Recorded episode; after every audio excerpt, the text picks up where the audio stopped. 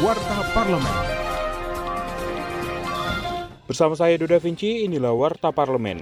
Yan Fermenas Mandenas, anggota Komisi 1 DPR RI mengatakan rencana pembangunan jaringan 5G akan memberikan banyak manfaat bagi masyarakat dalam melakukan aktivitas di era digital. Pemerataan infrastruktur jaringan internet harus dilakukan di seluruh wilayah Indonesia dan harus dapat menjangkau wilayah 3T terdepan, terluas, dan tertinggal di Indonesia. Warta Parlemen. Anggota Komisi 4 DPR RI Khalid menyoroti penumpukan stok beras turun mutu sisa impor tahun 2018 di gudang Bulog Sumbar yang belum tersalurkan ke masyarakat. Dalam kunjungan kerja ke Sumatera Barat meninjau stok Bulog di kantor wilayah Sumatera Barat, Khalid meminta pemerintah membuat skema untuk bisa segera menyalurkan sisa beras impor tersebut ke pasar.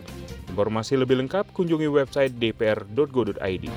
Pemerintah perlu memaksimalkan lobby guna memenuhi kebutuhan vaksin di Indonesia. Anggota Komisi 9 DPR RI, Kurniasi Mufidayati, mengatakan embargo vaksin COVID-19 oleh sejumlah negara harus dicarikan solusinya, sehingga stok vaksin bisa terjaga minimal 15 juta dosis per bulan. Sepertinya tidak diantisipasi oleh pemerintah. Terlalu percaya diri bahwa Gavi akan memberikan 100% jumlah yang dijanjikan. Padahal kan ini kan free, harusnya kan diantisipasi. Televisi Radio Parlemen. Wakil Ketua DPR RI Rahmat Gobel menyarankan agar para petani di Provinsi Gorontalo bisa bergabung dengan wadah koperasi petani supaya kehidupan dan kesejahteraannya lebih terjamin. Dalam kunjungan kerja ke Gorontalo, politisi Partai Nasdem ini menilai keberadaan koperasi dapat mengatur keuangan para petani. Koperasi juga bisa mengatur ketika ada petani membutuhkan pinjaman kredit usaha rakyat atau KUR.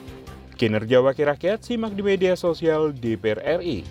Demikian Warta Parlemen, Produksi TV dan Radio Parlemen, Biro Pemberitaan Parlemen Sekjen DPR RI.